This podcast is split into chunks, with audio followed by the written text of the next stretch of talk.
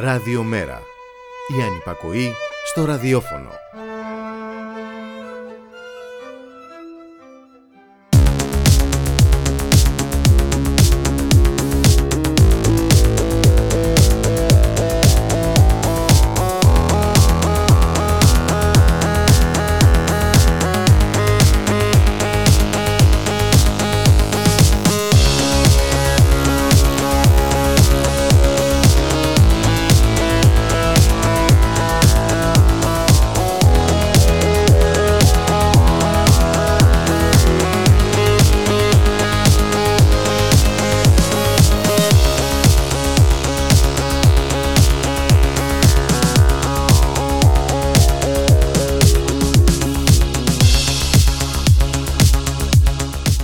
Γεια σας. Άλλο ένα παραλαπούσι ξεκινάει σήμερα με την Πάολα Ρεβενιώτη. Στον ήχο είναι ο Γιώργος ο Νομικός.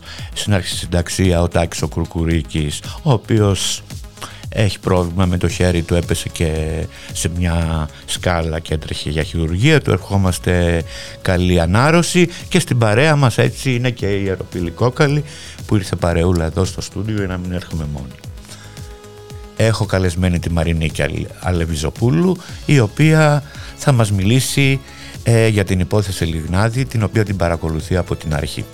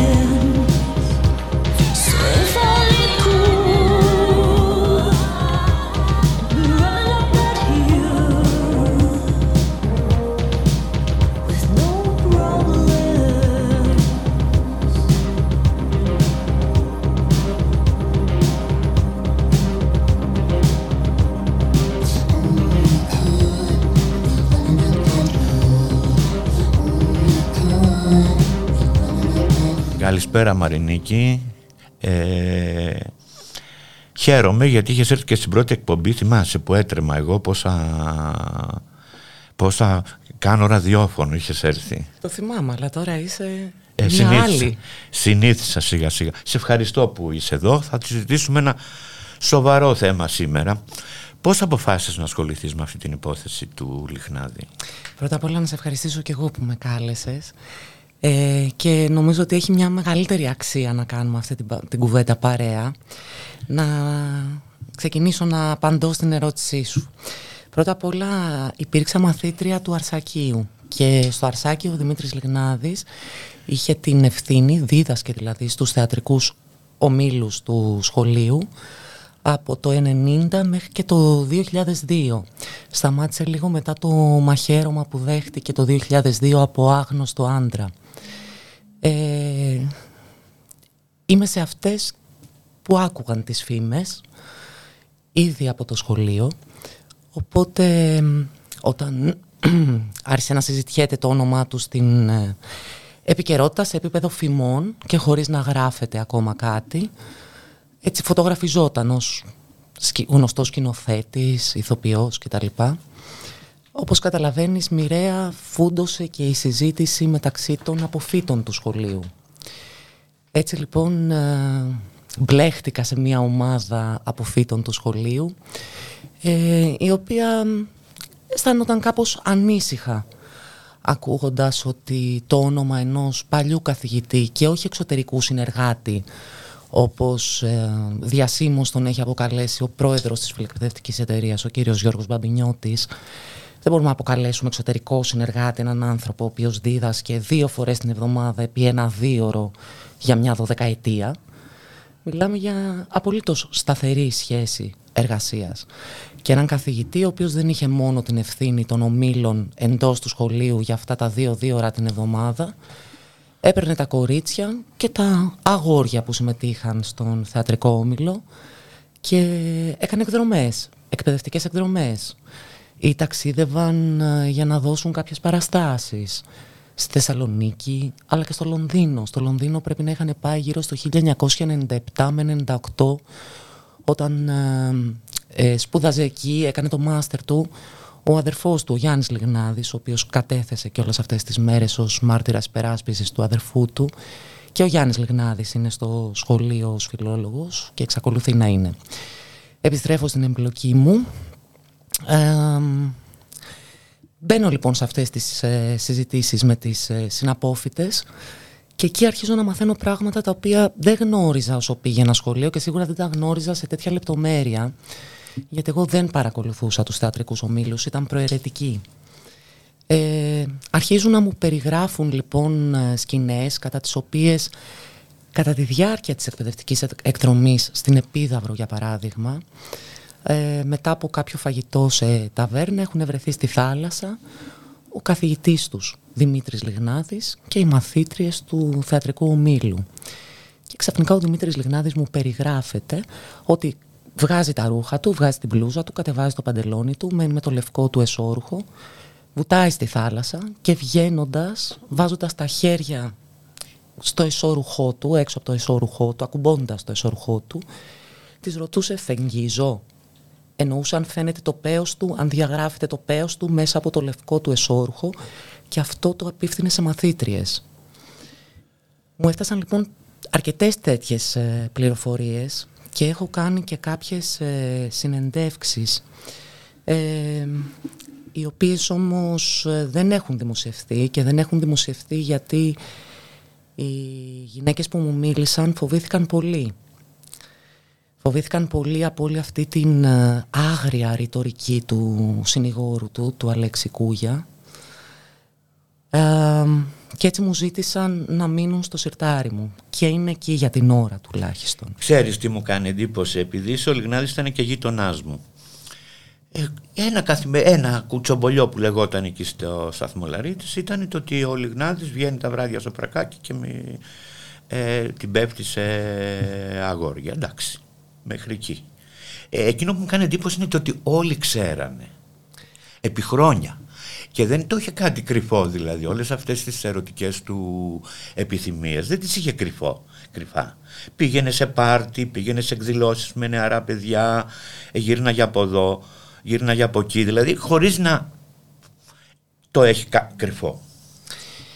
Θέλω να ομολογήσω ότι επειδή εγώ δεν θεωρούμε ένας άνθρωπος του καλλιτεχνικού χώρου, άλλη δουλειά κάνω, άλλο ρεπορτάζ κάνω, ε, όσες φορές είχα βρεθεί έτσι με ανθρώπους αυτού του χώρου, όταν άκουγα το όνομά του, μιλούσαν για τον γκέι Δημήτρη Λιγνάδη. Εγώ ως μαθήτρια του Αρσακίου το άκουγα και γέλαγα, γιατί για μας τότε, εκείνα τα χρόνια, συγχωρέστε με όσες και όσοι με ακούτε, αλλά γυρνάμε αρκετά χρόνια πίσω, τον λέγαμε ο, ογκόμενος ας πούμε, ας πω το πιο ευγενικό που μπορώ, αυτός που γουστάρει μαθήτριες. Μου πήρε πολύ καιρό να καταλάβω ότι ο άνθρωπος αυτός είναι γκέι ή όπως άκουσα τώρα σε αυτή τη δίκη ο ίδιος δηλώνει ότι είναι αμφιφιλόφιλος. Ως Αρσακιάδα ήξερα ότι του αρέσουν τα κορίτσια. Ε, αυτό, σε αυτό που λες έχεις, έχεις πάρα πολύ δίκιο και είναι και δική μου έτσι μεγάλη απορία και γιατί συνειδητοποίησα μπαίνοντας σε αυτή την υπόθεση ότι αυτές οι φήμες ρε παιδί μου υπάρχουν πάρα πολλά χρόνια. Μαθαίνεις ενώ μένεται αυτή η, η δίκη ότι έχει συλληφθεί και σημανθεί το 1984 για αποπλάνηση ανηλίκου. Έπειτα ακούς αυτούς τους ανθρώπους που έχουν έρθει να καταθέσουν, εννοώ τους μηνυτές τους, αυτούς τους τρεις ανθρώπους που βρήκαν το θάρρος να καταγγείλουν έναν τεράστιο άνθρωπο στα μάτια τους. Θα μιλήσουμε λίγο αργότερα και για αυτούς τους ανθρώπους, έτσι. Τους ακούς λοιπόν να διηγούνται ιστορίες με τον κατηγορούμενο Δημήτρη Λιγνάδη. Τους ακούς να μιλάνε για τα βράδια που τους πήγαινε στο θέατρο, για τα μαγαζιά που έβγαινε και γνωστά μαγαζιά, το Rooster, το Escape, το, το TAF ακόμα και τα γκούντις στο μοναστηράκι. Και λες, ή, ή, αργότερα μιλούν για παραστάσεις, παραστάσεις που έχουν παρακολουθήσει με τον, ε, με τον Δημήτρη Λιγνάδη, χάρη στο Δημήτρη Λιγνάδη, με πρόσκληση του Δημήτρη Λιγνάδη. Και λες, εκεί στα παρασκήνια δεν υπήρχαν άλλοι ηθοποιοί, κανείς άλλος δεν έβλεπε. Ή στο δικό μου το σχολείο, μόνο εμείς οι μαθήτριες τα είχαμε ακούσει. Δεν τα έχει ακούσει κανένας καθηγητής και εμφανίζεται τώρα στα πιστήρια του σπιτιού τους, σε αυτά που κατασχέθηκαν από τις κατοίκων έρευνες που έγιναν, εμφανίζεται μέσα σε φάκελο μία επιστολή, ε, σε φάκελο του Αρσακίου μία επιστολή, με την ε, οδηγία του Προέδρου της Φυλακπαιδευτικής να παραδοθεί στα χέρια του Δημήτρη Λιγνάδη. Αυτή είναι, αυτή είναι μια υπόθεση που ε, έκανε γνωστή η συναδέλφισά μου η Ναταλή Χατζιαντονίου στο News 247 αν θυμάμαι καλά ε, έγραφε τότε.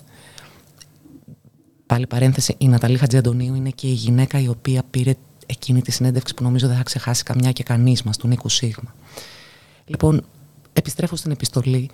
Βρίσκεται λοιπόν μια επιστολή στο σπίτι του Δημήτρη Λιγνάδη, η οποία απευθύνεται στον πρόεδρο της φιλεκπαιδευτικής εταιρείας για όνομα του Θεού, πρώην υπουργός έτσι. Και εικάζουμε από το περιεχόμενο, δεν μπορεί να ξέρει κανείς, ότι είναι επιστολή γονέα προς τον πρόεδρο του σχολείου με την οποία ενημερώνει τον πρόεδρο για τις ερωτικές σχέσεις του Δημήτρη Λιγνάδη με μαθήτριές του και ζητάει από τον πρόεδρο να κάνει κάτι. Ή αργότερα όσο έψαχνα δημοσιογραφικά την, ε, την υπόθεση και κυρίως υπό το πρίσμα του Αρσακίου ε, σε ένα γκρουπ ε, που έχουμε οι Αρσακιάδες ε, εμφανίζεται μία πρώην πρόεδρος του Συλλόγου Γονέων και Κηδεμόνων η οποία λέει ότι ήδη από τις αρχές του 90 είχαν καταγγελία για τον Δημήτρη Λιγνάδη ε, και ότι η δική της εισήγηση ήταν να εκδιωχθεί από το σχολείο. Λες τόσος κόσμος από το 84 η πρώτη υπόθεση, από το 90 βρίσκεται στο Αρσάκιο μέχρι και το, το 2002. Ακούς όλες αυτές τις αφηγήσεις για τα θέατρα, για τις παραστάσεις, για τα μαγαζιά και λες, μα πού είναι όλος αυτός ο κόσμος; Μόνο ο Φιλίππογλου τελικά είχε τα μάτια του ανοιχτά. Είναι ο άνθρωπος, ο σκηνοθέτης, ε, ο οποίος ήρθε και κατέθεσε ότι πράγματι τον είδε στην Επίδαυρο, την επίμαχη περίοδο στην οποία υποστηρίζει ο δεύτερος μηνυτής ο, ο Σίγμα, ε, δεν θα πω ποτέ το όνομά του, ε, είναι ο δεύτερος μηνυτής, ο Σίγμα λοιπόν, ο οποίος υποστηρίζει ότι βιάστηκε στην, ε, καταγγέλει ότι βιάστηκε στην Επίδαυρο από τον Δημήτρη Λιγνάδη. Ε, μαζί παρακολούθησαν και μια παράσταση στο θέατρο της, της Επιδαύρου. Ε, έμεναν σε δωμάτια στα οποία πηγαίνει ο κόσμος του, του θεάτρου. Αναρωτιέμαι, πραγματικά αυτό που είπα και προηγουμένως, μόνο Φιλίππογλου έβλεπε; Πώς την εξηγείς αυτή τη σιωπή; Προσπαθώ και εγώ να το... Αν, ήτανε, αν δεν ήταν ένας γνωστός άνθρωπος, με τόσες γνωριμίες, δεν πιστεύω να μην τον είχαν συλλάβει. Θα είχε συλληφθεί από, από τις καταγγελίες, θα είχε διωχτεί από τη δουλειά του. Είχε ασυλία λόγω του, των γνωριμιών του, λόγω τη, το ότι ήταν γνωστός, και εγώ δεν μπορώ να το καταλάβω μερικές φορές παρόλο που έχω δει πάρα πολλά πράγματα στη ζωή μου να έχουν ασυλία άνθρωποι οι οποίοι έχουν εξουσία και να μην ε, παθαίνουν τίποτε στο παρελθόν. Νομίζω ότι όλες και όλοι το έχουμε δει αυτό που λες και σίγουρα ένα μεγάλο κομμάτι της εξήγησης ε, είναι αυτές του οι γνωριμίες. Μην ξεχνάμε ότι ο άνθρωπος αυτός έφτασε να τιμηθεί από το ελληνικό κράτος με το κορυφαίο αξίωμα της καλλιτεχνικής διεύθυνσης του Εθνικού Θεάτρου της χώρας, του πρώτου θεάτρου της χώρας. Αυτός ο άνθρωπος, αν ανατρέξεις μέχρι και σήμερα στο, στο ίντερνετ, ε, αναζητώντας φωτογραφίες του, θα τον δεις φωτογραφημένο με τους κορυφαίους παράγοντες της χώρας. Μάλιστα, ένας από τους, ε, τους μηνυτές, ε, δεν θυμάμαι αν ήταν ο δεύτερος ή ο τέταρτος μηνυτής, ε, έδωσε ακριβώς αυτή την απάντηση όταν κάποια στιγμή ρωτήθηκε γιατί δεν μίλησες. Δεν μίλησα γιατί; Ήξερα ότι στο περιβάλλον του κολλητή του φίλη είναι η Κούρκουλα. Η Κούρκουλα είναι μια πασίγνωστη ηθοποιός, πρώην υπουργός και αυτή, πρώην υπουργός της κυβέρνησης Πασόκ, παντρεμένη, τώρα χωρισμένη αλλά τότε παντρεμένη με έναν άνθρωπο, τον Παναγιώτη, στον Παναγιωτάκη αναφέρομαι, ο οποίος επίσης ήρθε στο δικαστήριο και κατέθεσε υπέρ του Δημήτρη Λιγνάδη, που έχει 10-11 θέατρα, τα κορυφαία όπως λέει ο ίδιος, στη χώρα. έχει ένα μέσο ενημέρωσης, έχουν χρήματα, έχουν δύναμη. Ε, τώρα είναι εντυπωσιακό από την άλλη το πώς οι άνθρωποι που τελικά μίλησαν είναι οι πιο αδύναμοι των αδύναμων. Να ακούσουμε ένα τραγουδάκι και να συνεχίσουμε. Αμέ. Ωραία.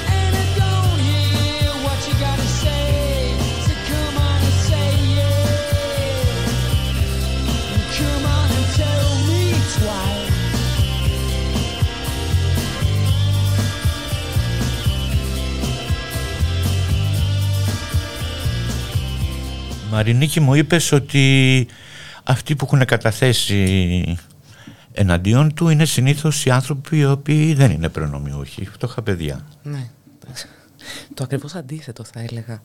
Ε, οι άνθρωποι αυτοί που ήρθαν τελικά στο δικαστήριο, οι άνθρωποι που στράφηκαν ε, νομικά εναντίον του Δημήτρη Λιγνάτη, είναι τρεις νέοι άνθρωποι, σήμερα 25 ετών, καταγγέλουν τους, τους βιασμούς τους όσο ήταν ακόμα ανήλικοι, 16-17 χρονών παιδιά. Ε, έχουν ε, μεταναστευτικό βιογραφικό και οι τρεις. οι δύο είναι Αιγύπτιοι, ο ένας είναι από την Ουκρανία και υπάρχει και ένας τέταρτος μηνυτής ε, ο οποίος δεν έχει εμφανιστεί μέχρι τώρα στο, στο δικαστήριο έχει εξηγήσει τους λόγους για τους οποίους φοβάται η ιστορία που διηγήθηκα προηγουμένως του, του Αρσακίου θέλω να πω ε, ήταν ε, όπως προσπάθησα να εξηγήσω ε, ο τρόπος με τον οποίο μπήκα σε αυτή την υπόθεση. Σε αυτή την υπόθεση όμως τελικά όταν αυτή έφτασε στο ακροατήριο ως δημοσιογράφος νομίζω ότι θα έμπαινα έτσι κι αλλιώς. Και είναι και όλα μεταναστάκια αυτά, δηλαδή τα πιο ευάλωτα και... Ναι. Ο Κούγιας πώς αντιμετωπίζει όλα αυτά τα παιδιά στη δίκη; Έχω ακούσει διάφορες ε, ιστορίες που πραγματικά έχω ανατριχιάσει πως ο πρόεδρος του δικαστηρίου και ο συγγελέας τον αφήνει να συμπεριφέρεται κατά αυτόν τον τρόπο. Ναι, όλες μας και όλοι μας εντυπωσιαζόμαστε. Θέλω να πω ότι σε αυτή τη δίκη τελικά ξεκίνησα να πηγαίνω ως μονάδα στις πρώτες δικασίμους που ακόμα δεν είχε, δεν είχε μπει στην ουσία του. Ε, διεκδικήσαμε όμως μια ομάδα ε, ανθρώπων ε, να δημιουργήσουμε ένα παρατηρητήριο γιατί ως ε, δημοσιογράφοι είχαμε την τεράστια αγωνία της κάλυψης αυτής της ιστορίας, αυτής της δίκης την οποία τη θεωρώ πάρα πολύ σημαντική. Τι την κάνει πιο σημαντική αυτή τη δίκη; Πολλά πράγματα την κάνουν σημαντική αυτή τη δίκη. Ε, ένα, από τα, ένα από αυτά είναι το γεγονός ότι βλέπουμε να κάθεται επιτέλους ε, ε, το επιτέλους το λέω προφανώς μέχρι να τελειώσει αυτή η ιστορία κανείς δεν μπορεί να πει ότι είναι ένοχος για αυτά για τα οποία κατηγορείται. Αλλά θέλω να καταλήξω στο ότι κάθεται άνθρωπος με πολύ μεγάλη εξουσία αυτό που λέγαμε προηγουμένως. Ότι τα στόματα μπορούν να ανοίξουν τελικά όταν ε, υπάρχουν οι κατάλληλες συνθήκες το MeToo ήταν αυτή η κατάλληλη συνθήκη. Όταν υπάρχει στήριξη, να στηριχτούν αυτά τα άτομα γιατί θα τα ναι. διαλύσουν. Και, και έμπνευση με την έννοια της, της δύναμης όμως, ότι μπορείς να το κάνεις. Πολλά στόματα άνοιξαν διεθνώς και αναρωτιόμασταν εδώ στη δική μας τη χώρα θα ανοίξουν τα στόματα. Εγώ το έλεγα και για το, το δικό μου το συνάφι, το δημοσιογραφικό που κι αν, κι αν έχει πράγματα να πει. Ε, και πιστεύεις ότι δεν ήξερε το δημοσιογραφικό συνάφι τόσα χρόνια. Ε, τα κουτσομπολιά, μικρή χώρα είμαστε, τα κουτσομπολιά λέγονται παντού. Ε, μου κάνει εντύπωση το πώς είναι δυνατόν να είχαμε ακούσει ένα τσούρμο, μεγάλο τσούρμο αν σκεφτείς ότι το τσούρμο ξεκινάει από το 1990 ένα τσούρμο λοιπόν μαθητριών και μαθητών και να μην είχαν ακούσει. Για παράδειγμα δημοσιογράφοι. Υπάρχει όμως και ο αντίλογος εδώ ότι ακόμα και αν έχω ακούσει όταν αυτός ή αυτή που το έχει υποστεί ε, δεν είναι έτοιμη, έτοιμος να το αγγίξει ε, εσύ δεν μπορείς να δεν μπορείς να αυτενεργήσεις. Ε, μιλάμε για μεγάλα βαθιά τραύματα τα οποία δεν είναι τόσο αυτονόητο ότι ένας άνθρωπος μπορεί να τα ανοίξει έτσι εύκολα και σίγουρα όχι μέσα σε μία αίθουσα δικαστηρίου και σίγουρα όχι με κατηγορούμενο έναν τόσο ισχυρό άνθρωπο και σίγουρα όχι με υπερασπιστή του έναν τόσο χιδαίο άνθρωπο. Και αναφέρομαι στον Αλέξη Κούγια εδώ. Μα φαντάσου τώρα ένα παιδί το οποίο είναι μετανάστης ε, είναι από ξένη χώρα ή μπορεί να μην είχε και χαρτιά ή να έχει και χαρτιά και να πήγαινε ας πούμε στο τμήμα της περιοχής που έμενε ο Λιγνάδης π.χ. στο τέταρτο δεν ξέρω εκεί να καταγγείλει αυτόν τον κύριο δεν υπήρχε περίπτωση να τον ε, ε, να, να είχε ασχοληθεί η αστυνομία. Και σε αυτό που λες έχεις πάρα πολύ δίκιο. Αλλά πέραν του ότι δεν είχε ασχοληθεί η αστυνομία, δεν είχαν ασχοληθεί κι άλλοι. Ε, ο τέταρτος μηνυτής, ο Πι, όταν ξεκίνησε να καταθέτει, ήταν μια πραγματικά έτσι συγκλονιστική, το λέω και το εννοώ, συγκλονιστική κατάθεση. Ε, άρχισε να εξιστορεί την, ε, την πορεία της ζωής του. Ε, αυτό το παιδί λοιπόν μεγάλωσε στο μεταξουργείο από δύο μετανάστες γονείς.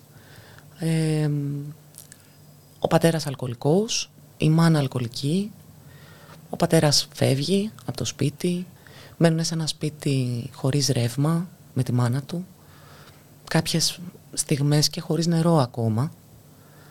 Ε, αυτό το παιδί όμως πηγαίνει σχολείο τότε. Η μάνα του, η, η αλκοολική μάνα του, αυτή που περιγράφει να τη βρίσκει σε άθλια κατάσταση επιστρέφοντας στο σπίτι, δεν είχε εμφανιστεί στο σχολείο να πάρει τους βαθμούς του ποτέ, γιατί δεν ήταν σε θέση η γυναίκα να εμφανιστεί στο σχολείο να πάρει τους βαθμούς του ποτέ.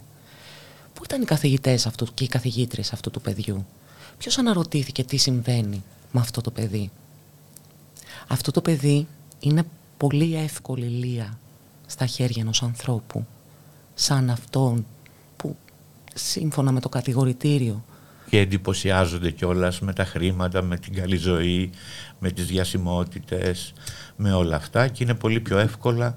Εκείνο που ε, εμένα με ενδιαφέρει περισσότερο είναι το ότι ποσός με ενδιαφέρει αν ο Λιχνάδης πήγαινε με έσκορτα αγοράκια τα οποία πληρώνονται που ήταν ενήλικα εκείνο και τ' άλλο. Εκείνο που με ενοχλεί είναι το ότι όλοι αυτοί οι άνθρωποι χρησιμοποιούν την οποιαδήποτε εξουσία έχουν για να τα φέρουν στο κρεβάτι τους και με άσχημο τρόπο κιόλας. Κοίταξε, κάποιοι από αυτούς... Και κυρίως και ανήλικα. Κάποιοι από αυτούς που έχουν καταθέσει ε, έχουν πει ότι δεν γνώριζαν ποιος ήταν ο Δημήτρης Λιγνάδης. Δεν, δεν είχαν εικόνα. Δηλαδή το μεταναστόπεδο στο μεταξουργείο. Πού να ξέρει. Πού να ξέρει ποιος είναι ο Δημήτρης Λιγνάδης. Ε, από τις περιγραφές των, ε, των μηνυτών δεν ακούω ακριβώς αυτό που λες, από κάποιες περιγραφές. Αυτή την προβολή δύναμης δηλαδή ε, και του θαμπόματος που μπορεί να σου προκαλέσει ένας άνθρωπος σκηνοθέτης του θεάτρου με γνωριμίες, με ε, γνωστούς πρωταγωνιστές και γνωστές πρωταγωνίστρες, το Σάκη Ρουβάη, ε, τον οποίο έχει σκηνοθετήσει ο Δημήτρης Λιγνάδης. Ε, κάποιους τους έχει προσεγγίσει με πολύ πιο απλούς τρόπους και σε, όπως καταγγέλνουν οι ίδιοι και σε επίπεδο γειτονιάς. Δηλαδή ο, ο Πις, στον οποίο αναφερόμουν προηγουμένως από το μεταξουργείο ε, καταγγέλει ότι η πρώτη φορά που είδε το Δημήτρη Λιγνάδη ήταν ένα πρωί ε, στο δρόμο που πήγαινε για το σχολείο του και ο Δημήτρης Λιγνάδης έκανε τζόκινγκ και τον χαιρέτησε. Ε, και λίγο μετά αυτό το παιδί δέχτηκε friend request στο facebook. Εμένα μου γεννιέται εδώ και δημοσιογραφικά η απορία. Πώς μπορούσε ρε παιδί μου να τον εντοπίσει; Πώς βλέπεις έναν άνθρωπο στο δρόμο, σου αρέσει; Στην προκειμένη περίπτωση βέβαια είναι σαφές ότι το, ο άνθρωπος αυτός είναι μαθητής, είναι ανήλικος. Αλλά θέλω να πω ενήλικας. Τον βλέπεις στο δρόμο, τον χαιρετάς. Γυρνάς στο σπίτι σου και έχεις εντοπίσει ποιος είναι. Πώς; Ποιος σε πληροφορεί; Σε πληροφορεί κάποιος από τη γειτονιά που ενδεχομένως να τον έχει δει γιατί αράζει στο περίπτερο τα βράδια. Δεν ξέρω. Έχω αυτή την απορία. Δεν μου έχει απαντηθεί βέβαια. Ε, οπότε σε κάποιους η προσέγγιση ήταν πάρα πολύ απλή. Αυτό το παιδί ε, δέχτηκε το friend request το οποίο αγνόησε γιατί λέει αυτός είναι μεγάλος. Πήγαινε σχολείο αυτό τότε και στο facebook είχε τα φιλαράκια του και τις φιλενάδες του από το σχολείο και συμμετείχε σε μία ομάδα του σχολείου ε, στο facebook. Αυτό. Ενδεχομένως από εκείνα ήταν εύκολο να, να βρεθεί. Ε, το μια υπόθεση είναι αυτή βέβαια. Μπορεί κανείς να ξέρει. Να ακούσουμε ένα τραγουδάκι. Να ακούσουμε.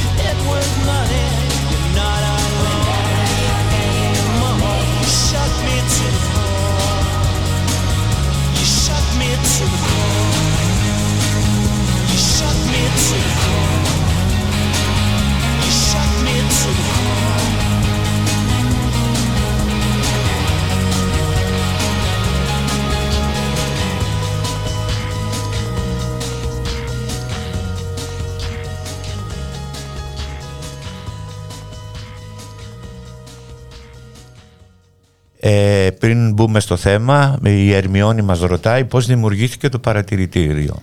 Λοιπόν, ναι, έχει δίκιο η Ερμιόνη, με επαναφέρει και εμένα στην τάξη, γιατί κάπως ξεκίνησα να το αφηγούμε.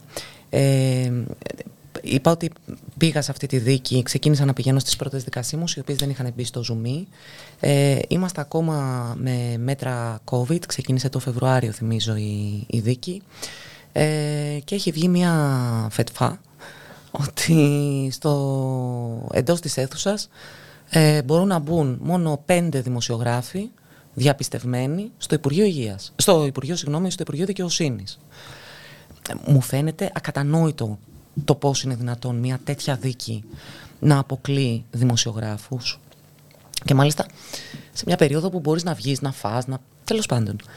Ε, αποφασίζουμε, ανήκω στη δημοσιογραφική ομάδα The Manifold ε, με προτροπή μιας άλλης δημοσιογραφικής ομάδας, των Reporters United αποφασίζουμε να επιχειρήσουμε να φτιάξουμε ένα παρατηρητήριο για τη δίκη αυτή γιατί θεωρούμε σημαντικό και στον παρόντα χρόνο αλλά και στο μέλλον να έχει μείνει αποτύπωμα από αυτή την, ε, την ιστορία.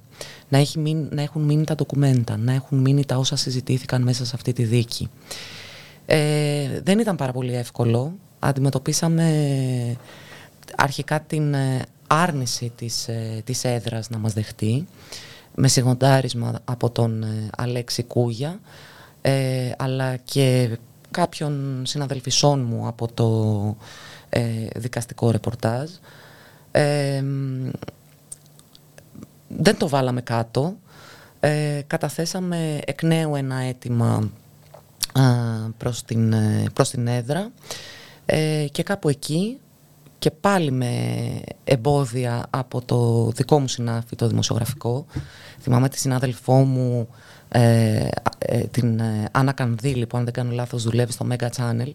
Την ώρα που η πρόεδρος διάβαζε το, το αίτημά μας με το οποίο ζητούσαμε και εμείς ε, μία θέση στο τρεις για την ακρίβεια, ε, τέσσερις είμαστε, ε, σε αυτή την αίθουσα, λέγοντας ότι δεν είναι δυνατόν αυτή η ιστορία να περιορίζεται μόνο στους συντάκτες του δικαστικού ρεπορτάζ.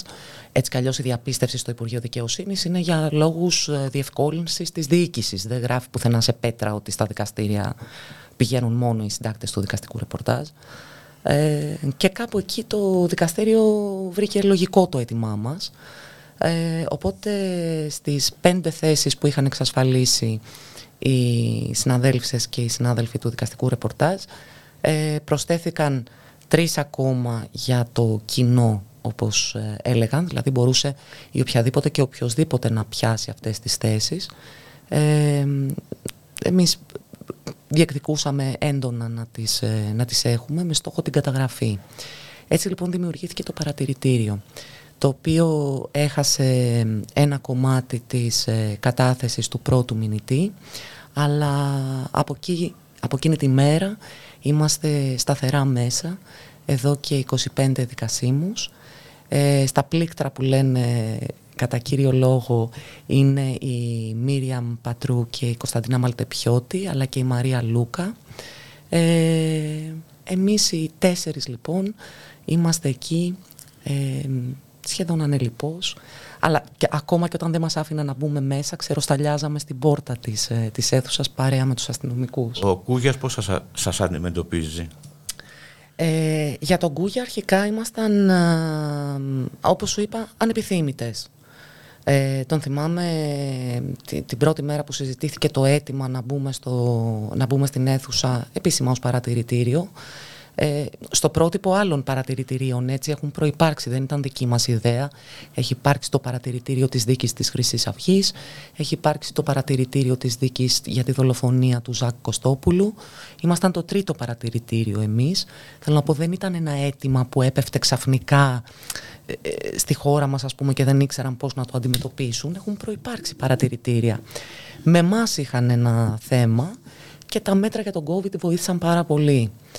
Ε, θυμάμαι λοιπόν τον Κούγια όταν πρώτο κατατέθηκε το αίτημα ε, να τα βάζει, ποια είναι, ποιοι είναι αυτοί οι Reporters United, ε, ποιοι, ποιοι είναι αυτοί που θέλουν να κάνουν το παρατηρητήριο και απευθυνόμενος σε αυτή τη συναδέλφισσα που σας είπα προηγουμένως στην Ανακαντήλ να της λέει αυτοί ισχυρίζονται ότι είναι πιο αντικειμενικοί από εσά, ότι εσείς δεν μπορείτε να κάνετε τη δουλειά και χρειαζόσαστε τα παρατηρητήρια για να καλυφθεί η δίκη.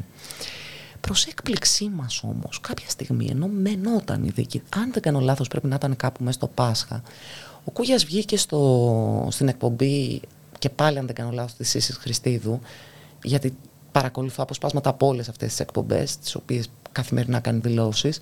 Ε, είπε ότι ε, προς μεγάλη του, έτσι για να το επαναλάβω, έκπληξη, το παρατηρητήριο κάνει μια τρομερά αντικειμενική δουλειά. Είπε και κάτι μπουρδουκλωμένο εκεί όταν μου έρχεται η απομαγνητοφώνηση, βλέπω ότι τα γράφουν έτσι. Τώρα απομαγνητοφώνηση δεν μπορεί να γίνει γιατί απαγορεύεται να ηχογραφείς μέσα στις δίκες, αλλά υποθέτω ότι εννοούσε πως οι βοηθοί του που είναι εκεί του μεταφέρουν ότι τα γράφουμε καλά. Μετά τα ξανάβαλε βέβαια μαζί μας, μας κατονομάζει, μας έχει βρήσει. Α, ε, σε αυτή την υπόθεση, ξέρεις, για να μην ε, παρεξηγηθούμε ε, και χαρακτηριστούμε ότι κάνουμε ηθικοπλαστική συζήτηση, εμάς δεν μας ενδιαφέρει η σεξουαλική ζωή του καθενός. Ε, με το αν είναι μεγάλος και του αρέσουν ε, τα νεαρά παιδιά, τα ενήλικα νεαρά παιδιά ή δεν μας ενδιαφέρει αν ο άλλος πηγαίνει με αγόρια τα οποία υπάρχει συνένεση για χρήματα. Μιλάμε για συνένεση όμως σε αυτή την υπόθεση. Ένας λόγος λοιπόν που ε, μας ενδιαφέρει όλη αυτή η υπόθεση είναι αν υπήρχε βιασμός ή αν χρησιμοποιούσε την εξουσία του για να κάνει σεξ. Έχεις δίκιο σε αυτό που λες. Ε, εγώ εδώ θέλω να κάνω, θέλω να διαχωριστώ εν μέρη από αυτό που λες ως προς το εξής. Ε, αν ισχύουν οι φήμες για το αρσάκιο η σχέση εδώ δεν είναι απλή. Η σχέση του καθηγητή με τη μαθήτρια είναι σχέση εξουσίας. Ε, θα ήθελα να... και ζητώ συγγνώμη για την αυτοαναφορικότητα, αλλά δεν προτρέπω να διαβάσετε εμένα. Είναι μια συνέντευξη που έχω κάνει όμως με τον ε, ψυχίατρο Γιώργο Νικολαίδη, ο Γιώργος Νικολαίδης είναι διευθυντής της Διεύθυνσης ε, Ψυχικής Υγείας και Κοινωνικής Πρόνοιας του Ινστιτούτου Υγείας του Παιδιού.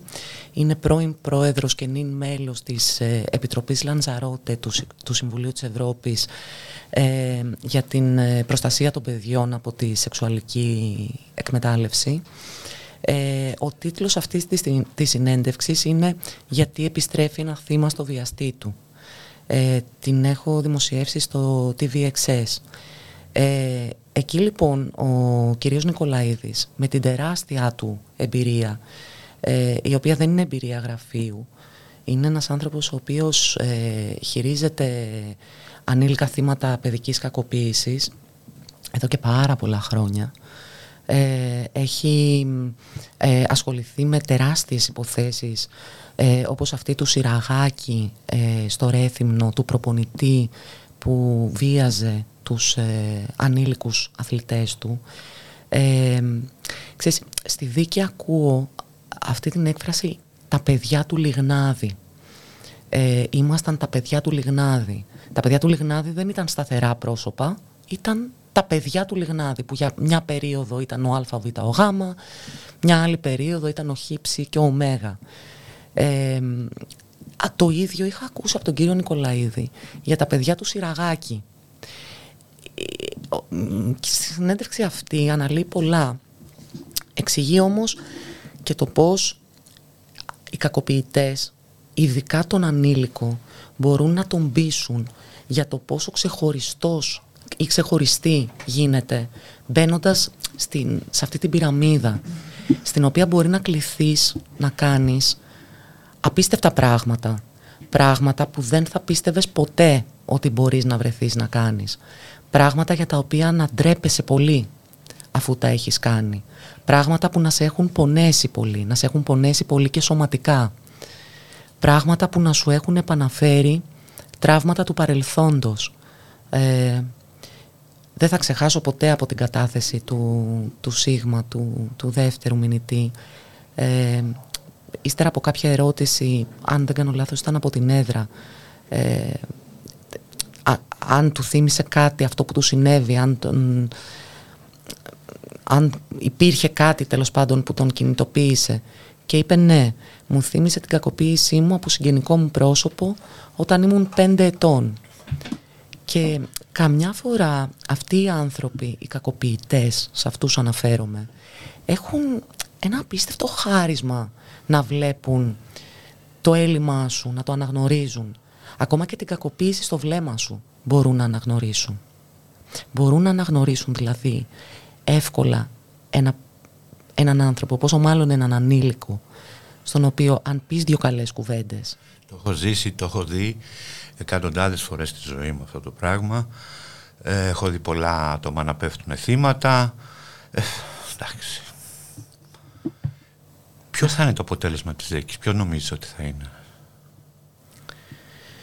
Εντάξει, κανείς δεν μπορεί να προβλέψει το, το αποτέλεσμα της δίκης. Ε, καμιά δεν μπορεί να πει ότι με βεβαιότητα είναι ένοχος ο Δημήτρης Λιγνάδης. Αυτό που θέλω να πω είναι ότι πρέπει να είναι πάρα πολύ καλοί ηθοποιοί οι μηνυτές του, αν λένε ψέματα. Θα ακούσουμε ένα τραγουδάκι.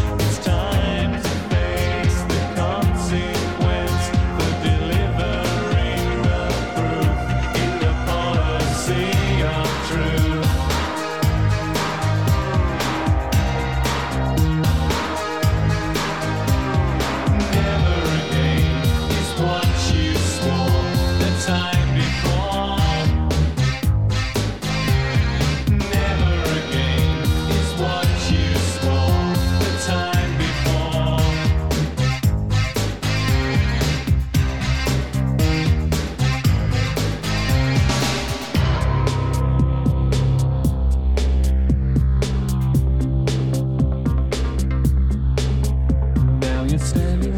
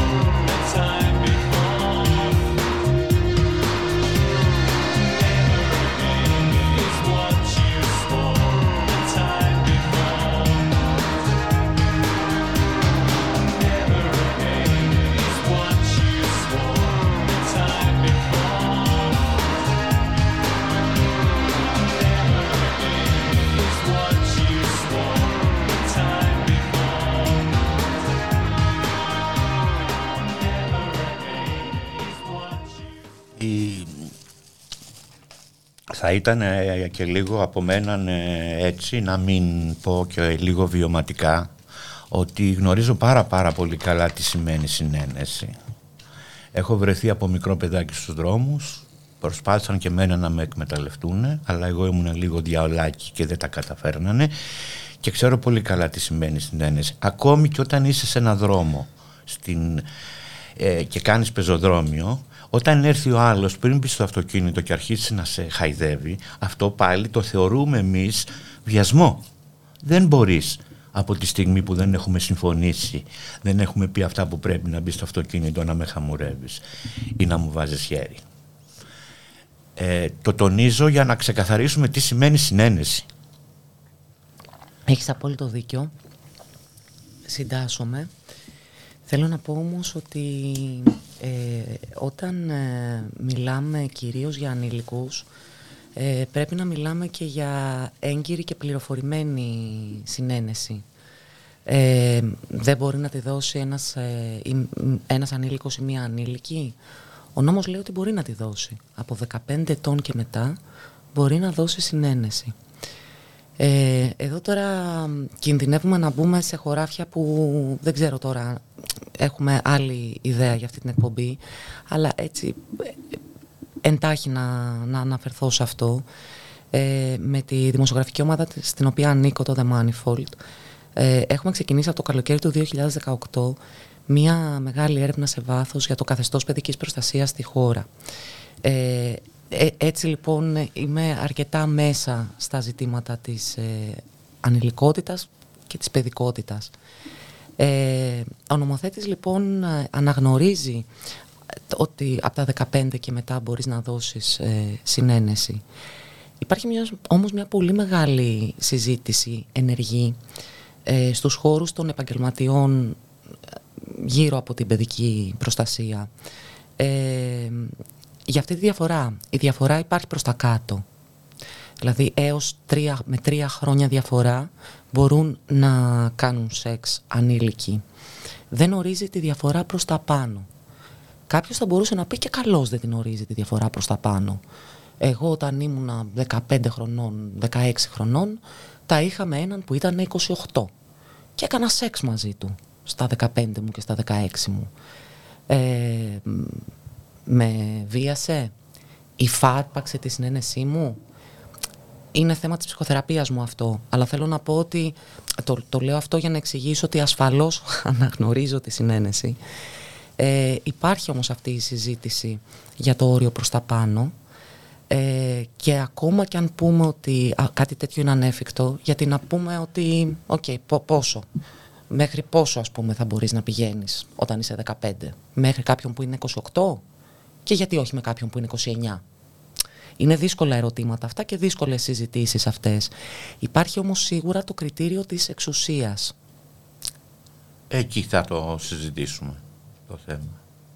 Ο άνθρωπος αυτός λοιπόν είχε αυτή την εξουσία ε, σε όσα πόστα κι αν βρέθηκε και ως ε, δάσκαλος στο σχολείο μετέπειτα ως δάσκαλος σε θεατρικές ε, σχολές σε κάθε περίπτωση όμως ακόμα και αν ε, ε, τα πρόσωπα που καταγγέλουν ότι τα θυματοποίησε ε, δεν είχαν ε, επαφή με τον καλλιτεχνικό χώρο, δεν ήταν ούτε φοιτητές του στο Εθνικό Θέατρο, ούτε μαθητές του στο, στο Αρσάκιο.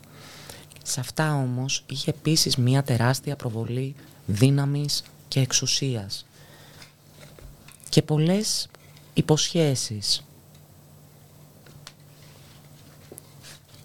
Πολλές υποσχέσεις λοιπόν ότι κάτι θα, κάτι θα, θα γίνουν.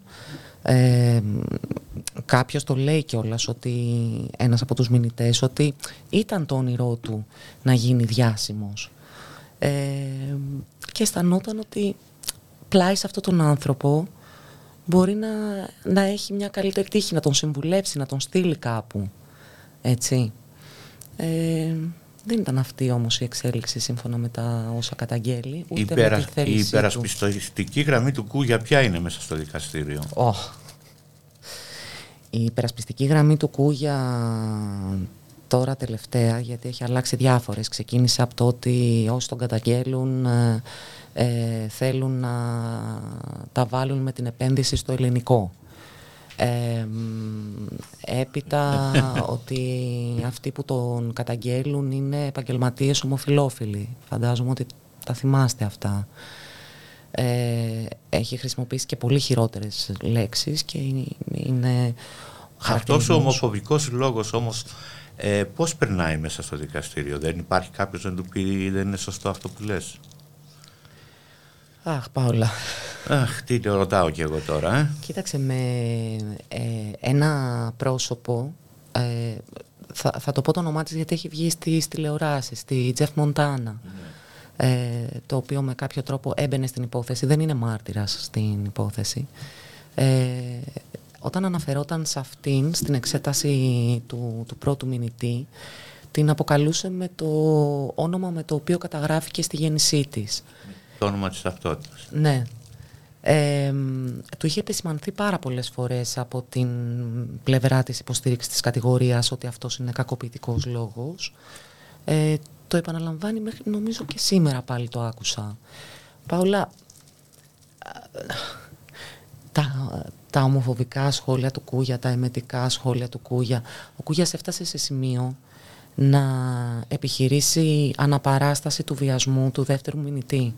Ήμασταν ε, στην αίθουσα, ακόμα δυστυχώς πολύ λίγος κόσμος, οι άνθρωποι που σας ανέφερα προηγουμένως, πέντε δημοσιογράφοι από εκεί και τρεις-τέσσερις από εμάς, ε,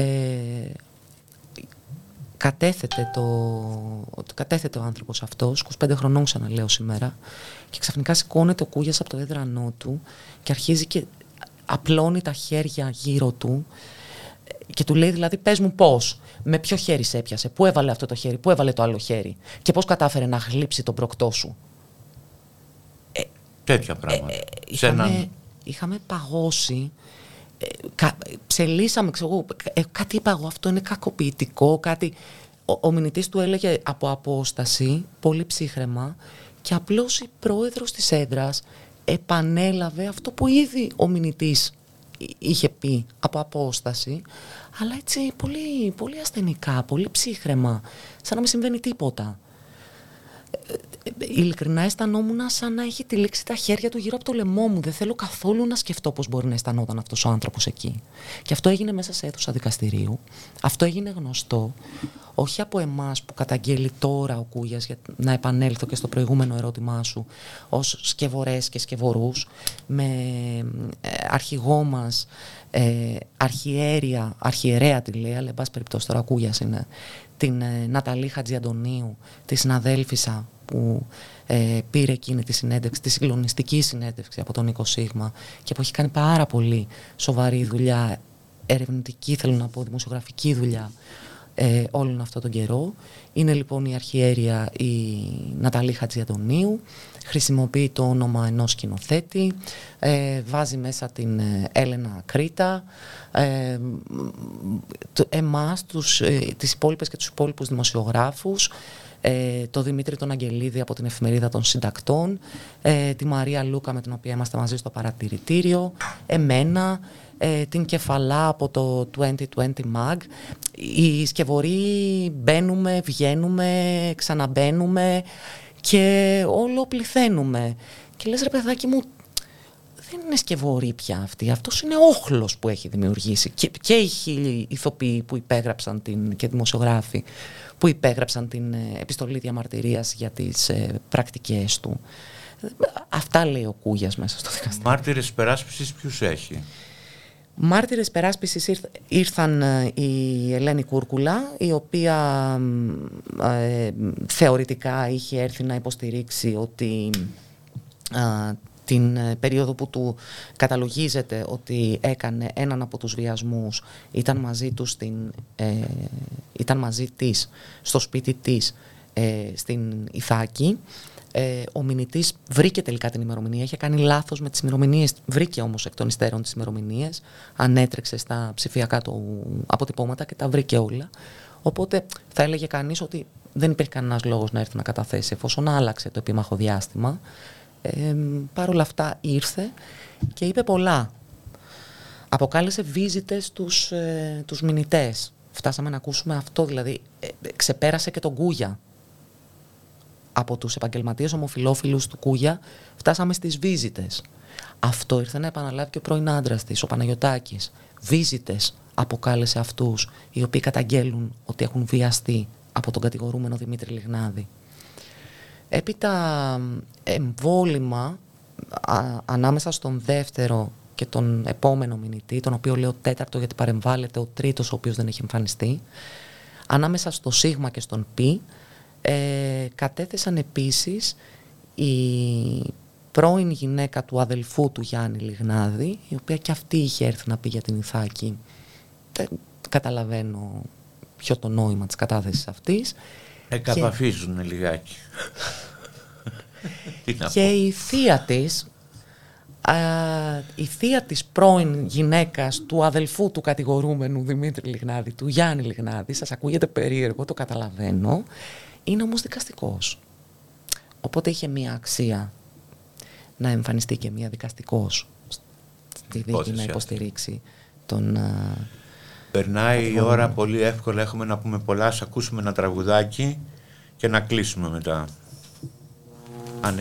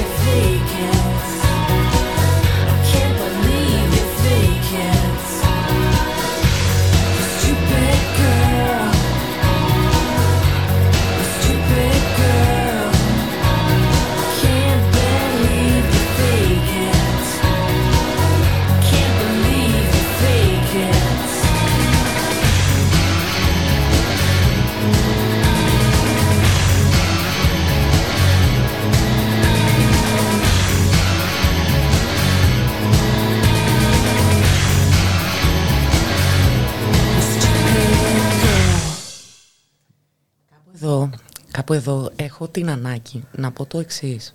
Να πεις. Μιλάμε πάρα πολύ για τον Κούγια.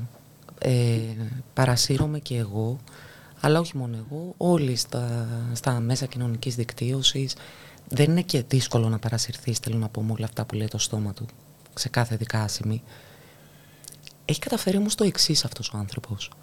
Ακριβώς αυτό για το, για το οποίο πιστεύω ότι ε, τον επέλεξαν. Να στραφούν οι προβολείς στον Κούγια και να φύγουν οι προβολείς από αυτόν που κατηγορείται, που είναι ο Δημήτρης Λιγνάδης. Και το ε, παίζει πολύ καλά ο Κούγιας αυτό νομίζω για να το κάνει.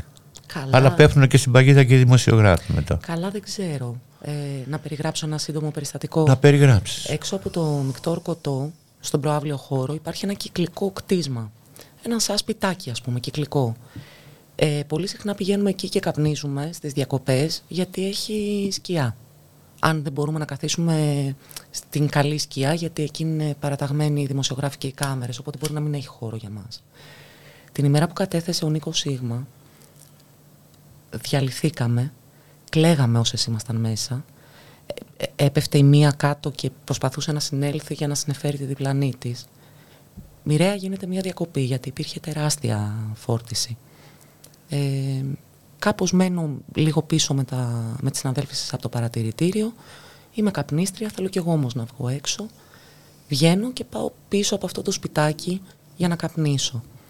Ε, κάθεται λίγο πιο εκεί ο Νίκος Σίγμα με ανθρώπους του περιβάλλοντος του, φίλες, φίλους, ε, συγγενείς. Ε, καθόμαστε με τη Μαρία Λούκα λίγο παραδίπλα και καπνίζουμε. Λίγο πιο δίπλα από εμάς είναι η δικηγόρος υποστήριξης κατηγορίας, η κυρία Μαρία Κουρτέση, μαζί με τον συνεργάτη της, τον κύριο Μαρίνη.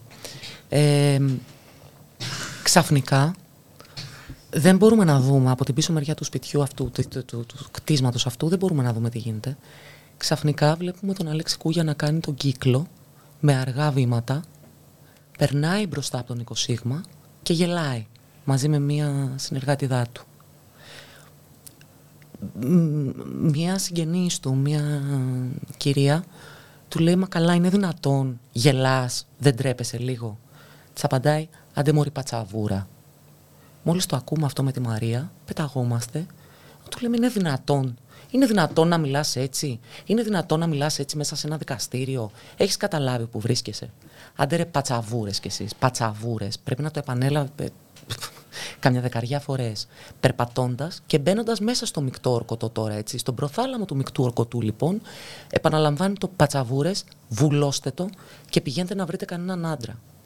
Δεν αντιδράει κανείς, πλην ενός νεαρού φοιτητή, 22 ετών, του Γιάννη, ο οποίος του λέει. Τι είναι αυτά που λέτε, δεν τρέπεστε λίγο σε δύο γυναίκες δημοσιογράφους, μιλάτε έτσι. Άντε ρε πουστάκι κι εσύ του απαντάει, να πάει να βρεις και εσύ κανέναν άντρα. Έτσι ακριβώς το απάντησε. Ακριβώς. Ε, το περιστατικό αυτό πήρε τεράστια έκταση. Ήταν όμως την ημέρα κατά την οποία κατέθεται ο Νίκος Σίγμα. Και ξαφνικά γυρνάω στο σπίτι μου από τη δίκη και συνειδητοποιώ ότι τα, τα μέσα κοινωνικής δικτύωσης έχουν πνιγεί από τις πατσαβούρες που πρέπει να το βουλώσουμε και να βρούμε κανέναν άντρα. Και θέλω να πω, το έγραψα κιόλας, ότι ήταν πάρα πολύ συγκινητικό και πάρα πολύ τρυφερό το ότι άνθρωποι όταν κατάλαβαν ότι το έχει πει και σε μένα, φίλοι μου εννοώ και φίλες μου, με πήρανε τηλέφωνο, μου στείλανε ένα μήνυμα, μου στείλανε μια καρδούλα, έγραψαν κάτι στα μέσα κοινωνικής δικτύωσης και ειλικρινά τους ευχαριστώ και τις ευχαριστώ και είμαι σίγουρη ότι το ίδιο και η Μαρία, το ίδιο και ο Γιάννης. Ο Κούγιας όμως είχε καταφέρει αυτό το διαδίκτυο πνίγηκε και η τηλεόραση βέβαια και τα, και τα μέσα πνίγηκαν από τις πατσαβούρες. Επειδή είναι και θρασίδηλος όμως, αμέσως μετά βγήκε και δήλωσε ότι τον αποκαλέσαμε σκουπίδι, πράγμα το οποίο έγινε αμέσως πιστευτό. Μπορεί εύκολα να γίνει πιστευτό ότι κάποιος μπορεί να αποκαλέσει σκουπίδι τον Κούγια. Καμιά και κανείς δεν μας ρώτησε αν πράγματι τον είπαμε σκουπίδι ή αν τον είχε πει σκουπίδι η συγγενής του Νίκου Σίγμα. Δεν τον είπε κανείς σκουπίδι ούτε τη λέξη από μη που λέει ότι χρησιμοποιήσαμε που και αυτή γίνεται πιστευτή. Πολύ εύκολα κόσμος μπορεί να πιστέψει ότι κάποιος είπε μαλάκα τον Κούγια. Μαλάκα και σκουπίδι είναι δύο χαρακτηρισμοί που σου περνάει από το μυαλό ότι μπορεί να έχει χρησιμοποιήσει κάποιο για τον Κούγια. Δεν το είπαμε όμως ποτέ αυτό. Ε, θα επανέλθω σε αυτό που προσπάθησα να ανοίξω ε, λίγο νωρίτερα. Ο προβολέας πρέπει να γυρίσει στο Δημήτρη Λιγνάδη. Αυτός βαρύνεται με τις κατηγορίες και θέλω να πω και κάτι. Ε, έχω ξεκινήσει ένα κείμενο το οποίο θα βγάλω αυτές τις μέρες εξηγώντας ακριβώς αυτό. Το πώς δηλαδή ο Δημήτρης Λιγνάδης είναι αυτός που σκηνοθετεί τον ε, Αλέξη Κούγια. Ο Κούγιας δεν έχει ιδέα ποιος είναι ο Κούν. Ο Κούγιας δεν έχει ιδέα ποιος είναι ο Χατζηδάκης. Όταν χρησιμοποιεί αυτά τα ονόματα στο δικαστήριο για να πει ότι όλοι οι σπουδαίοι καλλιτέχνες είχαν στην παρέα τους και παιδιά, δεν έχει ιδέα για τι πράγμα μιλάει. Αυτό είναι το υποβολείο του κατηγορούμενου, αλλά και του αδελφού του. Του αδελφού του κατηγορούμενου, του Γιάννη Λιγνάδη. Του φιλόλογου Γιάννη Λιγνάδη, του μεταφραστή αρχαίου δράματος ε, Γιάννη Λιγνάδη. Και κάπως το δήλωσε κιόλας αυτές τις μέρες ότι όπως με πληροφορεί ο Δημήτρης και ο Γιάννης Λιγνάδης, κάπως το είπε κιόλας ο Κούγιας. Δεν ξέρω αν προσπάθει να βγάλει την ουρά του απ' έξω τώρα στο. Η απολογία του πότε θα γίνει; Η απολογία του θα είναι τη Δευτέρα. Τη Δευτέρα, σήμερα αποφασίστηκε αυτό. Άρα να πούμε ότι να πάει και ο κόσμος για να συμπαρασταθεί στα παιδιά αυτά, τουλάχιστον να έχουν μια, να νιώθουν ότι κάποιοι είναι μαζί τους. Ανεξάρτητα το τι θα γίνει στη δίκη, εμάς δεν μπορούμε να δικάσουμε, δεν είμαστε δικαστές, οι δικαστές δικάζουν. Υπάρχει και ένα φρένο στην προκλητικότητα πάντως όποτε έχει κόσμο η αίθουσα. Για, αυτό είναι, αυτό είναι. Ε, Μαρινίκη, με τι άλλο ασχολείσαι; Να μιλήσει και λίγο για σένα. Ναι. Ανοίξαμε πρόσφατα έναν ε, ακόμα φάκελο, μετά το φάκελο για, τη, για το καθεστώς παιδικής προστασίας στη χώρα, το φάκελο για την ε, αστυνομική βία και αυθαιρεσία στη χώρα. Πολύ ενδιαφέρον αυτό. Πάρα πολύ. Ο άστο. Με πονάει εμένα είναι λίγο. Έχεις κάποια πράγματα να καταθέσεις. Ε, και θέλουμε ε, και σε ευχαριστώ που με ρωτάς γιατί μου δίνεις και εμένα τη δυνατότητα να επαναλάβω μια ανοιχτή έκκληση που κάνουμε προς ε, τις αναγνώστριες, τους αναγνώστες μας. Εμείς τώρα προς τις ακροάτριες και τους ακροατές σου, εδώ που είμαστε. Ε, το φιλόδοξό μας σχέδιο σε αυτό το φάκελο είναι το να δημιουργήσουμε ένα χρονολόγιο της αστυνομικής βίας και της αυθαιρεσίας στη χώρα ε, γιατί πολύ συχνά όταν βγαίνει κάτι στην επικαιρότητα το συζητάμε ως μεμονωμένο περιστατικό ε, μνήμη Χρυσόψαρου. Και μετά το ξεχνάμε. Και μετά, και μετά το ξεχνάμε βέβαια. Αλλά το, το συστημικό πρόβλημα της αστυνομικής βίας και αυθαιρεσίας στη χώρα δεν το αγγίζουμε καθόλου. Ε, στην, ε, στη σελίδα μας, ε, στο Manifold, ε, θα βρείτε και κάποια από τα πρώτα μας μεγάλα έτσι, αναλυτικά κείμενα για την αστυνομία. Θα βρείτε όμως και το χρονολόγιο αυτό. Και επειδή στοιχεία σε αυτή τη χώρα που ζούμε δεν υπάρχουν, επίσημα στοιχεία δηλαδή ε, που να αποτυπώνουν το μέγεθος και το εύρος της αστυνομικής βίας και αυθαιρεσίας δεν μπορείς να βρεις. Η αστυνομία είναι μια υπηρεσία που αυτοελέγχεται. Γιάννης πίνει, Γιάννης κερνάει. Ε, γι' αυτό το λόγο λοιπόν στρεφόμαστε προς τα έξω ε, και ζητάμε ε, υποθέσεις. Ζητάμε υποθέσεις από τους ανθρώπους. Είναι πάρα πολύ εύκολο να βρείτε τρόπο επικοινωνίας μαζί μας, να βρείτε το email μας. Ε, υπάρχει και κρυπτογραφημένο email αν κάποιος δεν επιθυμεί να... Ε, δεν νιώθει άνετα, εν πάση περιπτώσει, με το να στείλει στο, στο Manifold, στο, στο, στο ένα από τα δύο mail που δίνουμε. Ε, ζητάμε περιστατικά. Ε, θέλουμε να γυρίσουμε όσο πιο πίσω γίνεται στα χρόνια και να γεμίσουμε το χρονολόγιό μας με όσο το δυνατόν περισσότερες υποθέσεις. Πέρασε η ώρα, θα ακούσουμε ένα τραγουδάκι και θα σας αποχαιρετήσουμε. Παύλα, ευχαριστώ πολύ. Να είσαι καλά, πάντα χαίρομαι όταν μιλάω μαζί σου και μαθαίνω και πράγματα που δεν ξέρω. Το ίδιο.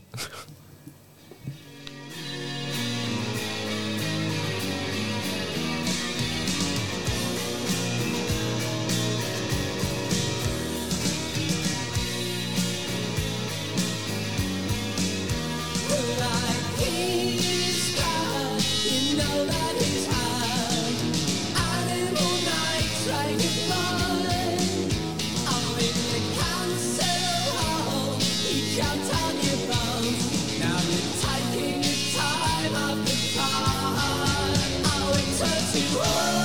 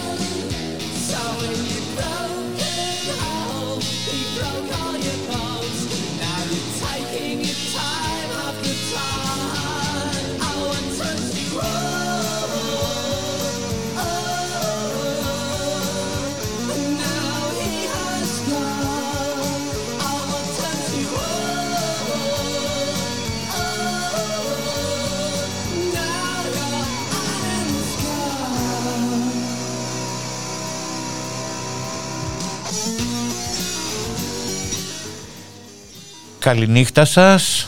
Νομίζω ότι ήταν πολύ ενδιαφέρουσα η συζήτηση με τη Μαρινίκη. Την επόμενη, την επόμενη πέμπτη θα τα ξαναπούμε. Θα είναι η τελευταία εκπομπή της σεζόν. Θα αρχίσουμε πάλι από το Σεπτέμβριο και να περνάτε καλά.